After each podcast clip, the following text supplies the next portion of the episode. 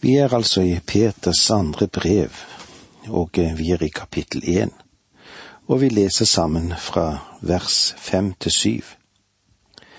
Derfor må dere sette alt inn på at troen viser seg i rett liv, og det rette liv i innsikt, innsikten i selvbeherskelse, selvbeherskelse i utholdenhet, utholdenheten i gudsfrykt, gudsfrykten i brorskap og brorskap i kjærlighet.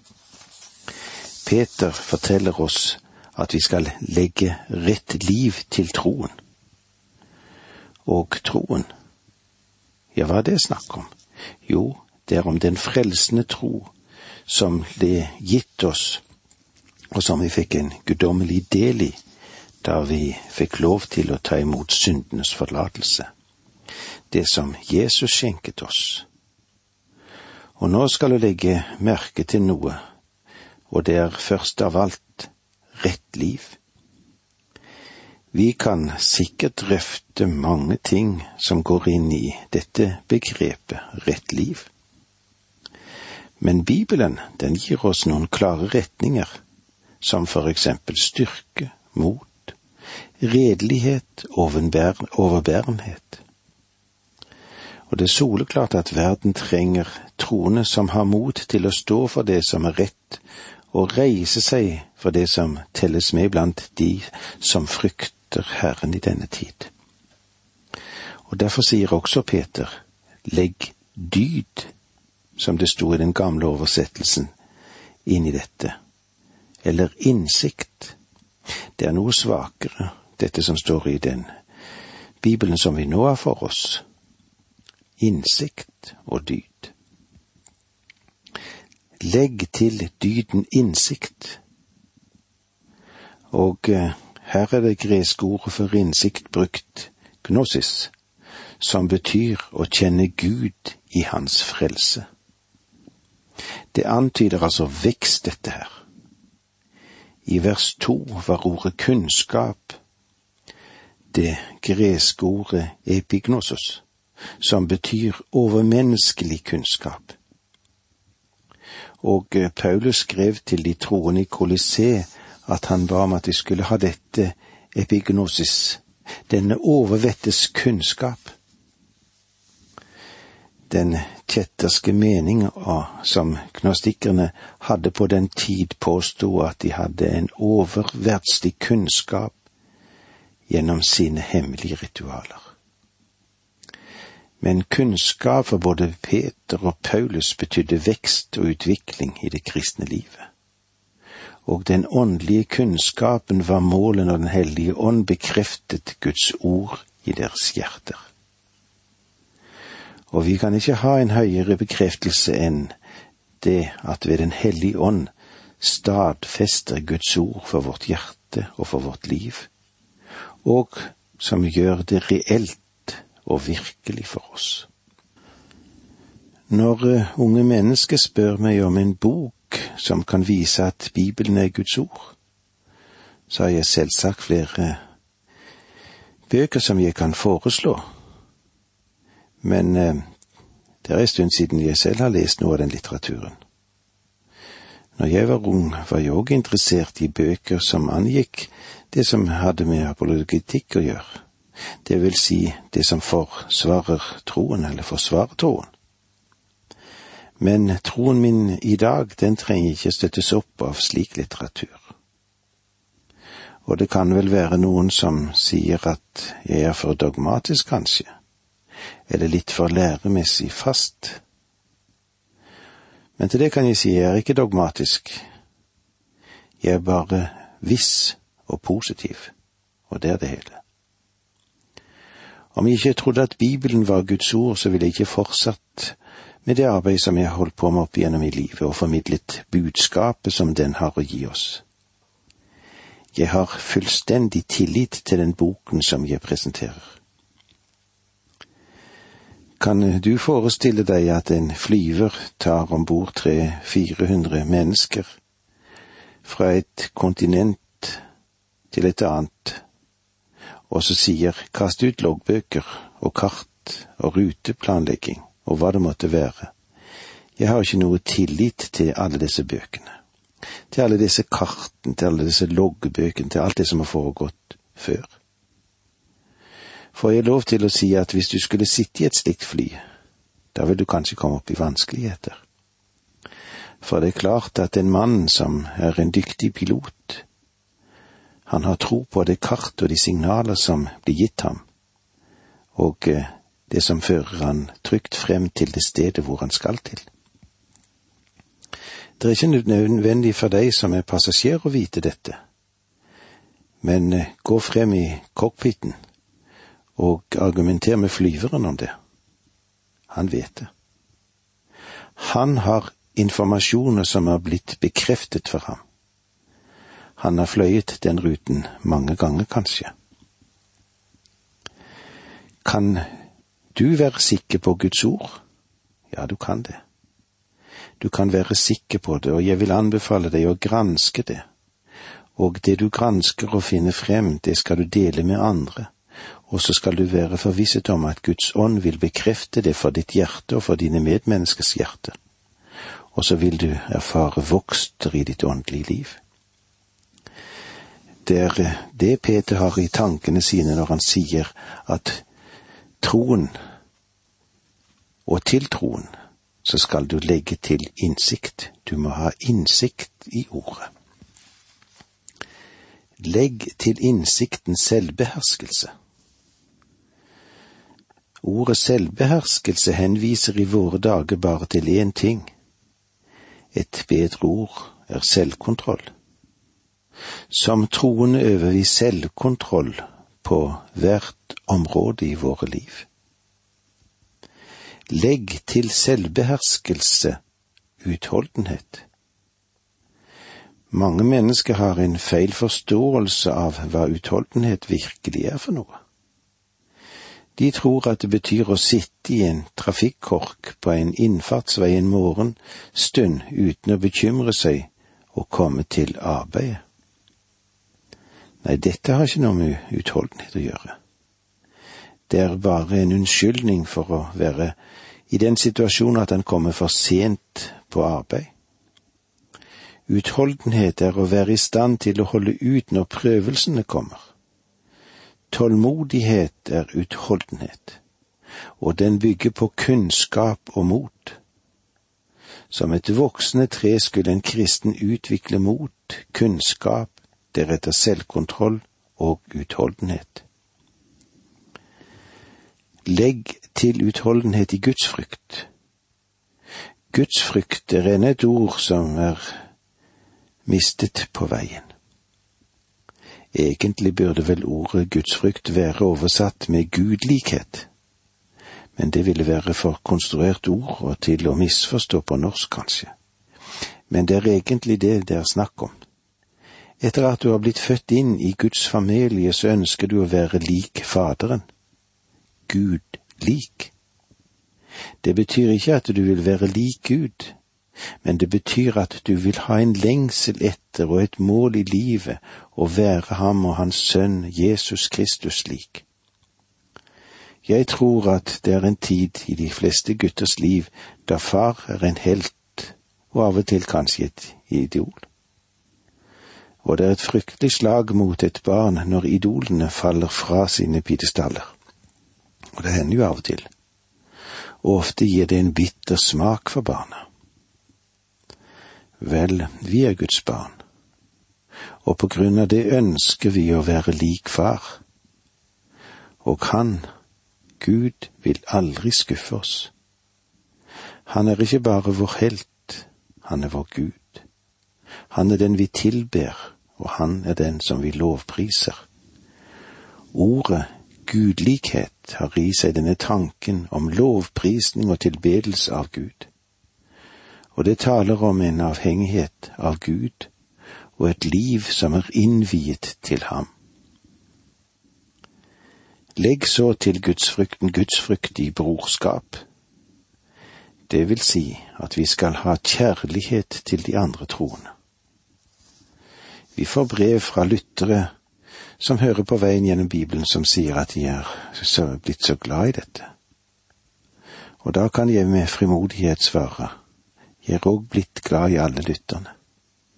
Men eh, hvis det skulle være slik at jeg møtte disse personene personlig, så ville jeg kanskje være mer tilbakeholden.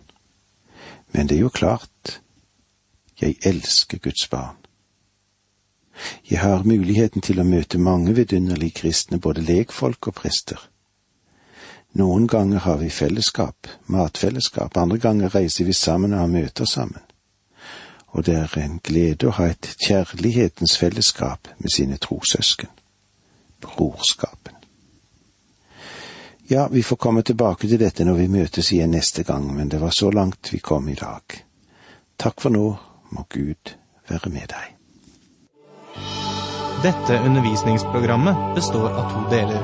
Åge Nevland fortsetter nå med andre del av dagens undervisning. Vi er i det andre brevet som Peter har skrevet til oss, i det første kapitlet der.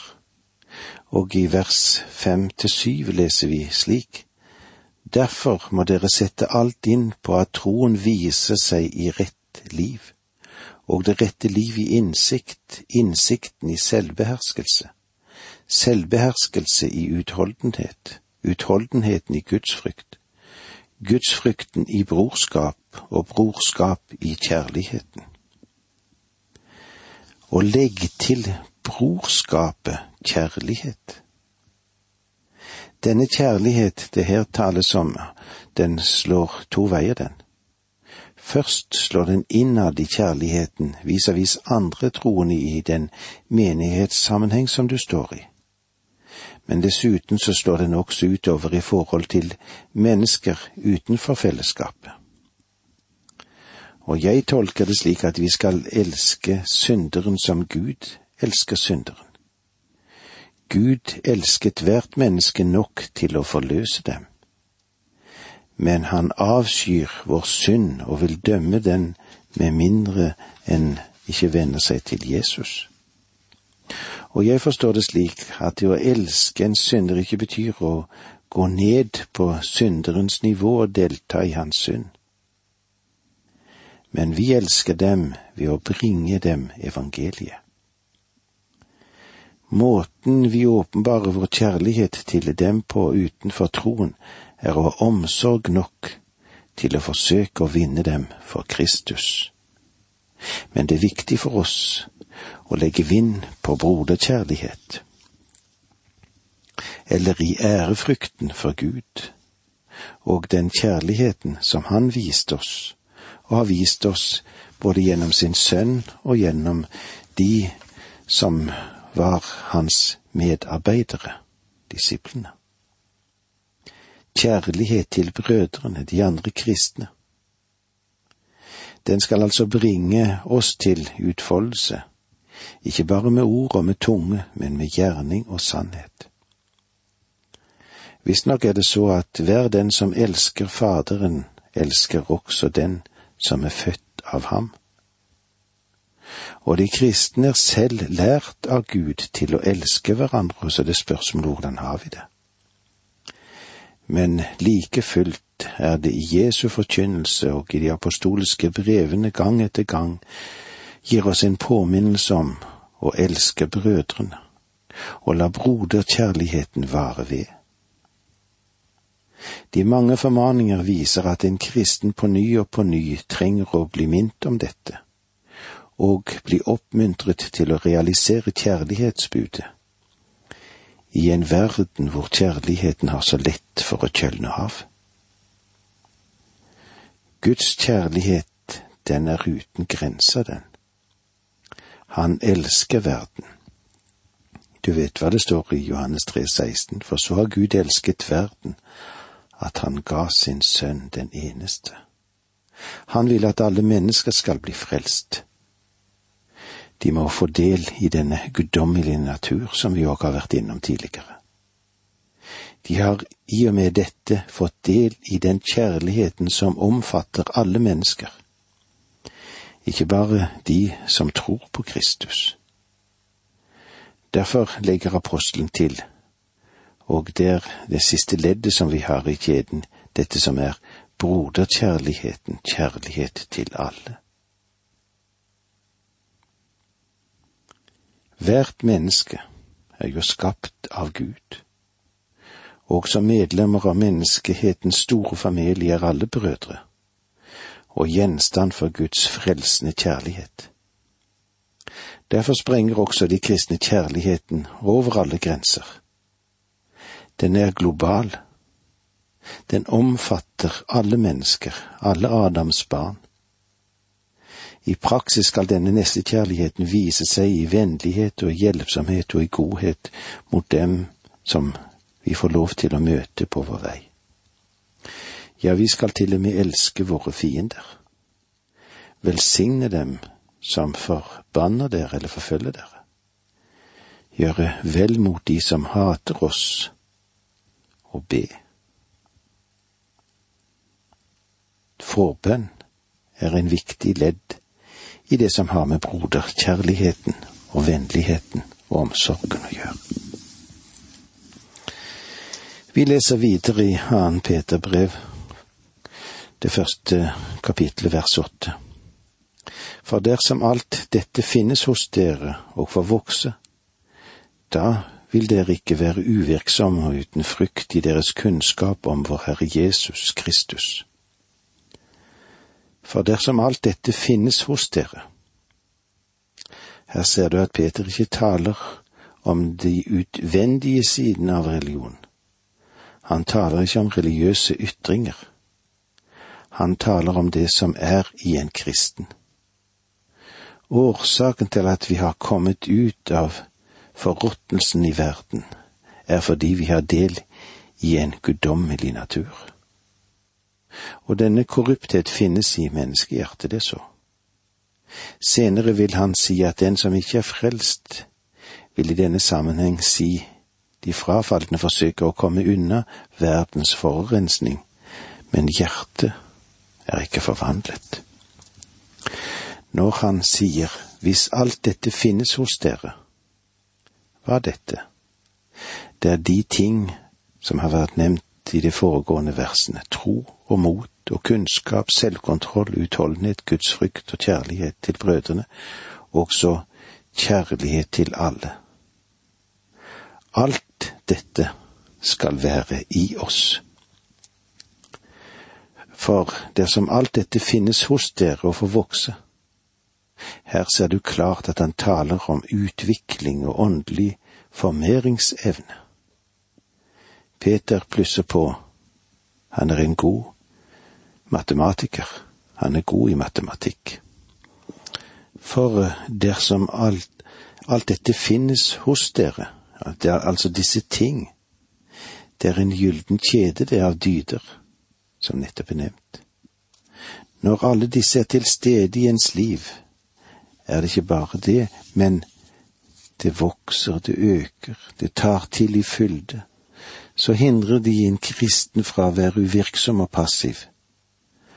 Han graver ikke ned sitt pund, men som kristen er han virksom i troen og aktiv i tjenesten for Kristus. Han er heller ikke som et ufruktbart fikentre eller et ufruktbart vintre. Han bærer frukt for Gud. Da er målet for kunnskapen om Gud nådd. Virksomhet i troen og arbeid i kjærligheten. I stedet for kunnskapen om Gud nevner apostelen her kunnskapen om vår Herre Jesus Kristus. Et nytt vitnemål om de to er likestilte. Kunnskapen om Gud og Jesus, vår Herre. Jesus Kristus er både roten til og målet for all den kristne erfaring.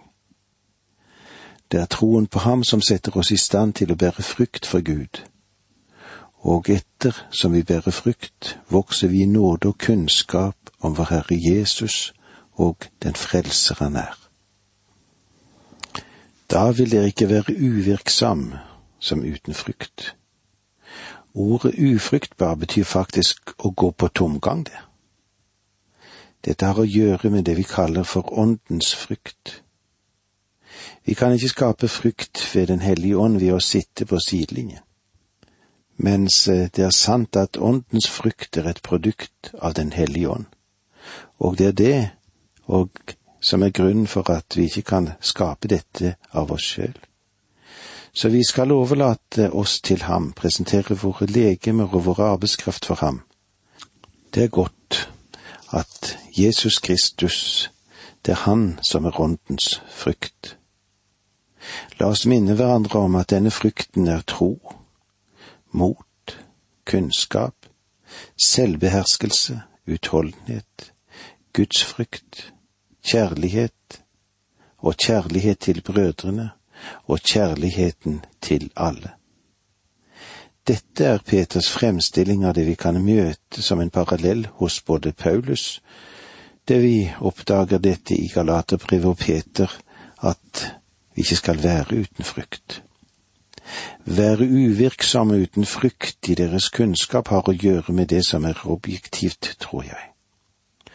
Og dette har å gjøre med det indre. Jeg går ut ifra at du dessverre har hatt den opplevelse å møte kristne som har vært drønnende malm eller klingende bjeller. De er tomme av det som har med den åndelige frukt å gjøre.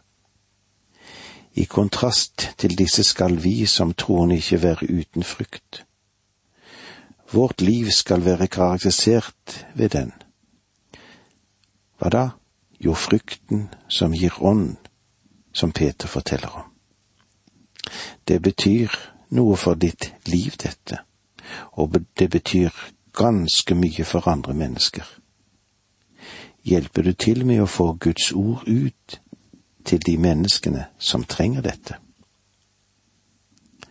2. Peter 1,9 Men enhver som mangler dette, han er nærsynt, ja blind. Han har glemt at han er blitt renset for sine tidligere synder. Nå rører Peter ved noe som er viktig for oss alle sammen, og det vil vi komme inn på når vi møtes igjen neste gang, men det var så langt vi kom. Takk for nå, må Gud være med deg.